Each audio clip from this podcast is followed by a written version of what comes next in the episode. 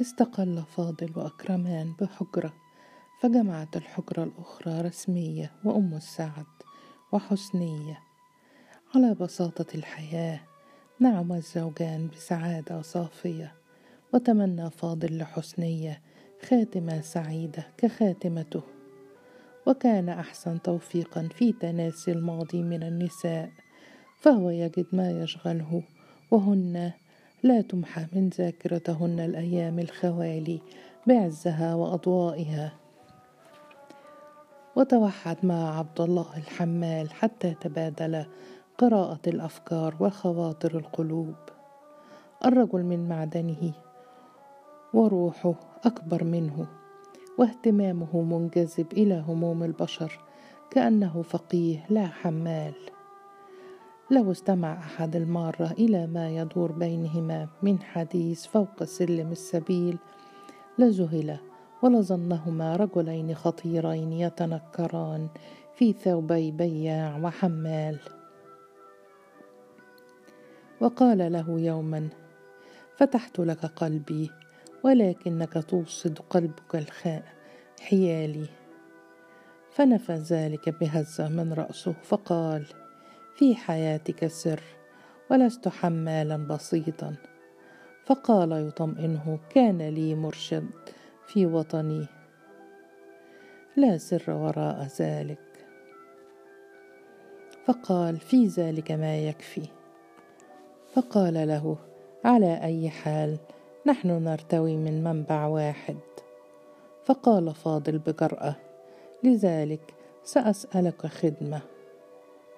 فحدجه بنظره متسائله فقال بنبرة ذات مغزى إنك بحكم عملك تتردد على الدور جميعا. فابتسم عبد الله بذكاء وصمت منتظرا فقال أتقبل أن تحمل الرسائل أحيانا؟ فقال باسما وهو يتذكر أكرمان بحنان ثمة أقوام يجدون معنى حياتهم في السعي إلى المتاعب. فتجاهل قوله متسائلا هل تقبل؟ فقال بهدوء ما تشاء وأكثر.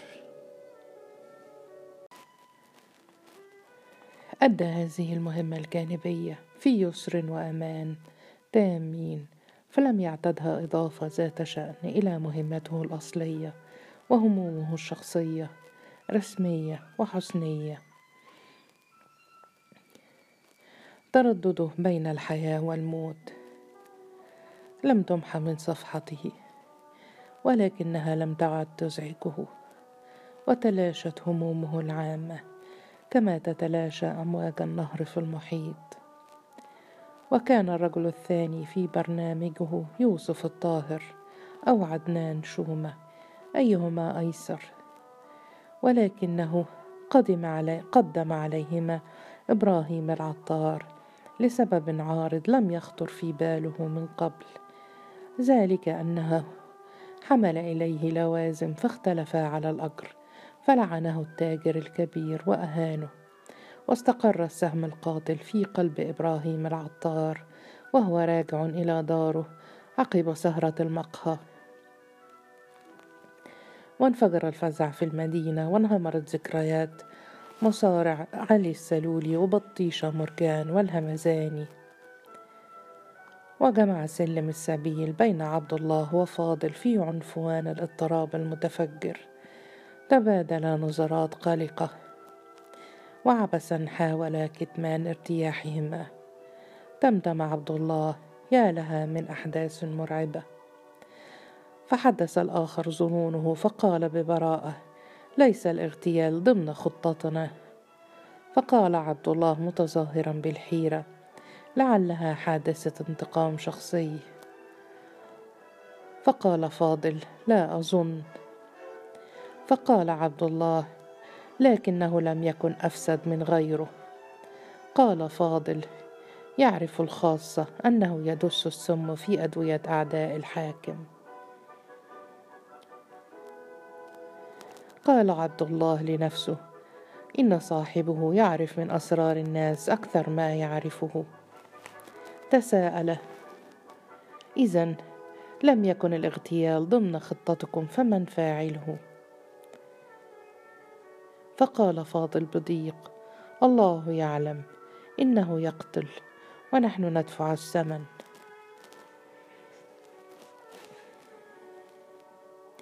عندما أطفأ الشمعة وأوى إلى فراشه شعر بالوجود الغريب يدهمه فارتجف قلبه وتمدم. سنجام. فسأله الصوت ببرود ماذا فعلت؟ فقال أفعل بطريقتي ما أعتقد إنه الخير.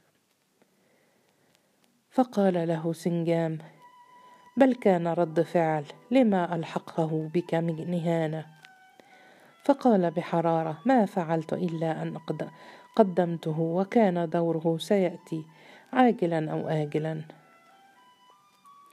فقال سنجام حسابك عند المطلع على ما في الصدور فحذار يا رجل. وتلاشى سنجام فلم يغفض له جفن. فوق قبة جامع الإمام العاشر. في جلسة مفعمة بالهدوء وبرودة الشتاء. جلس قمقام وسنجام. تحتها تدفقت قوات الشرطة مكشرة عن أنيابها يتطاير الشرر من أعينها السملة بالحمرة القانية.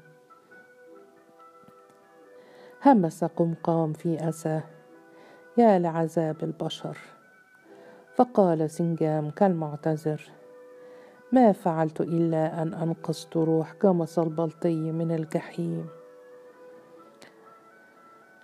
فقال قمقام ما تدخلنا مرة في حياتهم وانتهى الأمر بما نود. فقال سنجام والإغضاء عنهم فوق ما نحتمل. ومر تحتهم في تلك اللحظة المعلم سحلول تاجر المزادات والتحف فأشار إليه قمقام قائلا. إني أغبطه على معاشرته لهم كأنه آدمي مثلهم. فقال سنجام مشاركا ولكنه ملاك نائب عزرائيل في الحي واجبه يقتضي الاختلاط بهم ليل نهار. ويحل له ما لا يحل لنا. فقال قمقام لندعو الله أن يلهمنا, يلهم يلهمنا الصواب. فرد سنجام. آمين. اعترضت مسيرة عبد الله الحمال. عثرة ضاق بها صدره. كان يمضي بحمل كبير من النؤل والفواكه المجففة إلى دار عدنان شومة كبير الشرطة. ولم يكن كف عن تقييم مصرع إبراهيم العطار. ما وراءه من جهاد صادق وما تسلل إليه من غضب ورغبة في الانتقام. سبيل الله واضح ولا يجوز أن يخالطه غضب أو كبرياء وإلا انهار البناء من أساسه. وكانت دار عدنان شومة تقوم في شارع المواكب والأعياد على مبعدة يسيرة من دار الإمارة. شارع وقور تقوم على جانبيه دور السادة والفنادق الكبرى وبه بستان وساحة بيع الجواري. قال لنفسه وهو يدخل الدار سيجيء دورك يا عدنان قريبا. وعندما هم بالذهاب أوقفه عبد ودعاه إلى مقابلة صاحب الدار ذهب إلى بهو الاستقبال بقلب يخفق بالقلق. نظر إليه الرجل بوجهه المستدير الصغير وعينيه الضيقتين القاسيتين وهو يداعب لحيته ثم سأله من أي البلاد؟ فأجاب عبد الله بخشوع الحبشة. قيل لي أن سمعتك طيبة وأنه لا تفوتك فريضة. فتلقى أول نسمة راحه وقال بفضل الله ورحمته. فقال بهدوء لذلك وقع اختياري عليك. تفشى المعنى المقصود في رأسه كما تتفشى رائحة قوية في مكان مغلق. فكم من مرة وهو كبير الشرطة وجه مثل هذا القول إلى رجل إيزانا بنظمه في سلك عيونه السرية وهو يعلم أن التملص من التكليف خليق بالقضاء عليه وأنه لا مفر من الطاعة. قال الرجل بذلك تحوز الشرف في خدمة السلطان والدين. تظاهر بالارتياح والسعادة والزهو. أعطاه الإمارات التي يطمئن بها على ذلك قال له محذرا. احذر ما يرضي الخائن في الهلاك. فتمتم بغموض. تسرني الخدمة في رحاب الله. فقال عدنان شومة. الدور مفتوحة لك بحكم عملك ولا ينقصك إلا بعض الإرشادات. هي الإرشادات المدونة في دفاتر سرية منذ عهد جمص البلطي.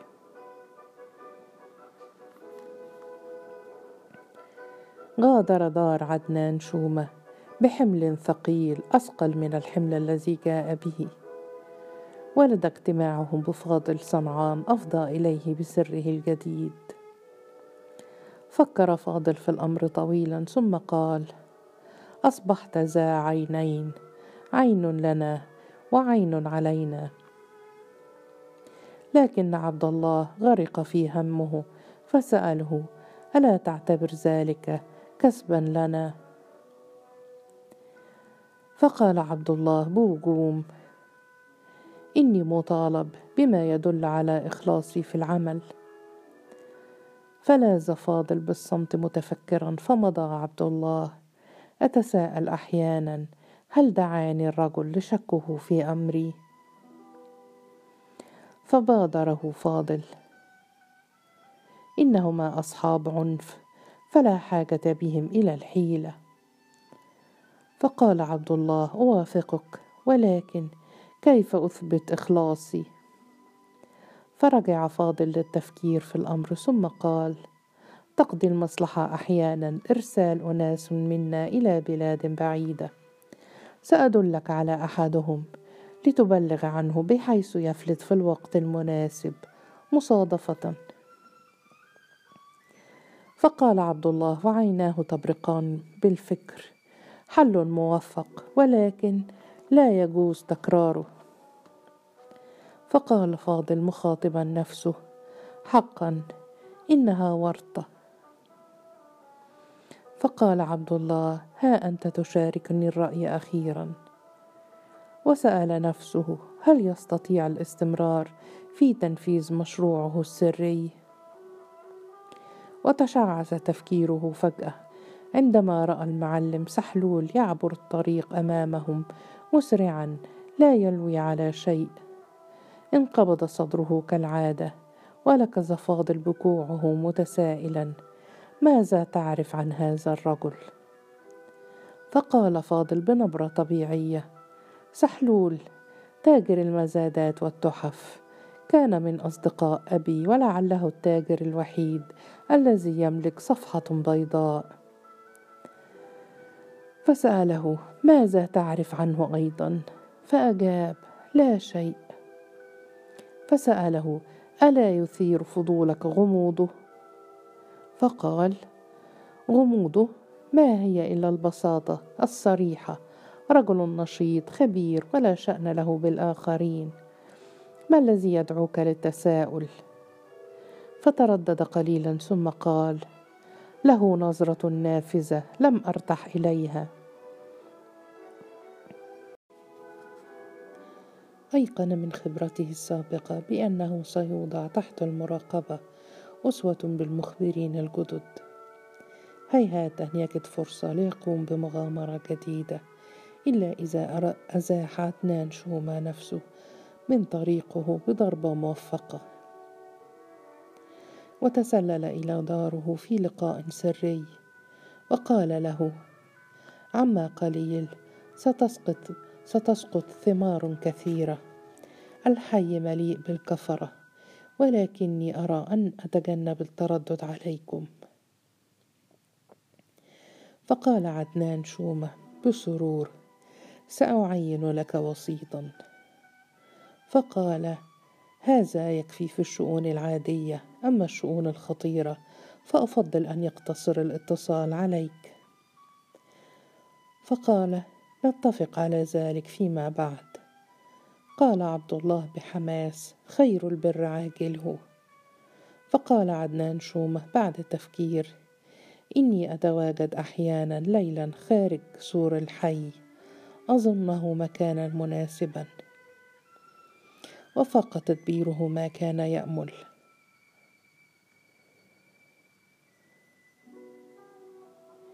بمعاونة فاضل صنعان قدم تقريرا عن شاب أعزب يقيم منفردا بحجرة في ربع بعضفه الدباغين.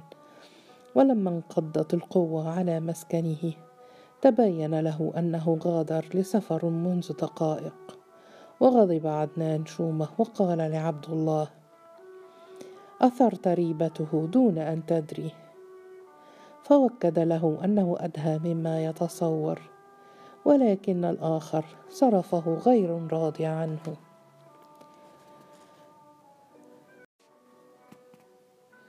زلزلت دار الإمارة والحي والمدينة العثور على جثة عدنان شومة خارج سور الحي. ماج شهريار نفسه بالغضب. وتخيلت لأعين الكبراء مخاوف مجهولة تزحف من مكامنها في الظلام. ونما إلى عبد الله من وسطه السري الرسمي أن البحث يتركز في كشف الأسباب التي دعت كبير الشرطة للخروج سرا من سور الحي. وكان هو أول من أتيح له الاطلاع على سر ضحيته الذي كان يقصد دارا خاصة يلتقي فيها بجلنار وزهريار شقيقتي يوسف العطار حاكم الحي. الحق أنه عرف سيرة المرأتين منذ عهد خدمته ومن قبل أن يتولى يوسف الطاهر الإمارة. لذلك دعاه كبير الشرطة إلى مقابلته في جوسق بحديقة الدار ثم صرفه ولكنه لم يرجع إلى الحي. بل لبد له في الظلام حتى غادر الدار قبيل الفجر فتلقاه بالسهم القاتل. الآن يتلاشى شعوره بالأمان ولا يستبعد أن يكون بعض خاصة عدنان شومة من النساء أو الرجال قد عرف سر المقابلة بينه وبين الرجل. قرر الهرب ولو إلى حين غادر الحي كله إلى ما وراء الخلاء عند النهر. على كثب من الهرب. على كسب من اللسان الأخضر. حيث اعتاد ممارسة هواية الصيد. نفس البقعة التي التحم فيها بسنجام. وجد نخلة فارغة. فارتمى تحتها. وأغرق في التفكير. وأقبل الليل وتجلت النجوم متواضعة واشتد البرد.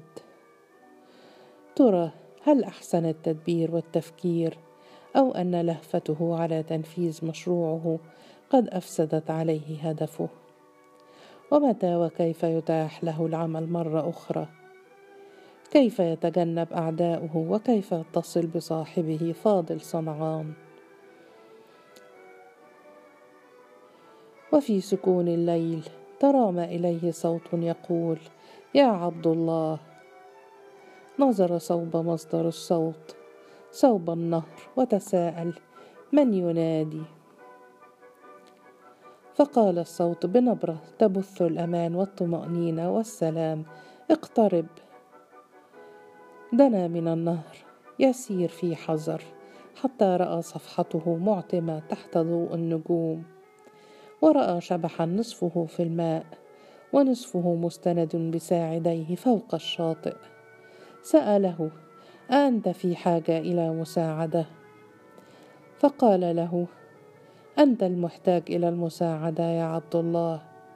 فسأله بقلق من أنت؟ وماذا تعرف عني؟ فأجاب أنا عبد الله البحري كما أنك عبد الله البري. وقبضة الشر تتوتر للقبض على عنقك. فقال سيدي ماذا يبقيك في الماء؟ من أي الأحياء أنت؟ فأجاب ما أنا إلا عابد في مملكة الماء اللانهائية. فسأله تعني أنها مملكة تحيا تحت الماء؟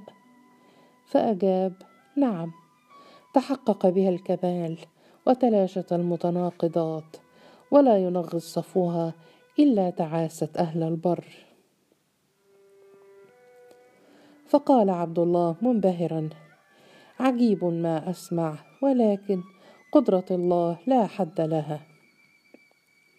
فكاب كذلك رحمة الله فاخلع ثيابك واغطس في الماء. فسأله لماذا يا سيدي لماذا تطالبني بذلك في الليل البارد؟ فقال افعل كما أقول قبل أن تطوق عنقك القبضه القاتلة. وسرعان ما غاص عبد الله البحري في الماء تاركا له الاختيار. وبدافع من إلهام ثمل خلع ملابسه وغاص في ماء النهر حتى اختفى تماما. وإذا بالصوت يقول له عد إلى البر آمنا. وما كاد يشعر بالأرض تحت قدميه حتى استقر قلبه بين ضلوعه وشعر بأنه بأن جارحة من جوارح السماء والأرض والليل. وشعر أيضا بالدفء عند ذلك غلبه النوم فنام نوما عميقا هادئا وكأنما النجوم لا تومض إلا لترعاه. وصحى قبل انبلاج الصبح. ونظر في مرآته على ضوء أول شعاع يهبط. فرأى وجها جديدا لم يعرفه عن قبل فهتف. مبارك العجائب إن تكن من صنع الله. لا هو وجه جمس البلطي ولا وجه عبد الله. وجه قمحي صافي البشرة ولحية مسترسلة سوداء. وشعر غزير مفروق ينسدل حتى المنكبين. ونظرة عينين تومض بلغة النجوم. أدرك الموت عبد الله كما أدرك جمس البلطي من قبل وغاب فاضل وأكرمان ورسمية وحسنية وأم السعد. ولكن ثمت أصوات جديدة تتجسد ومغامرات تقبل مع الشروق ودنيا جديدة تنكشف عن عجائب مباركة.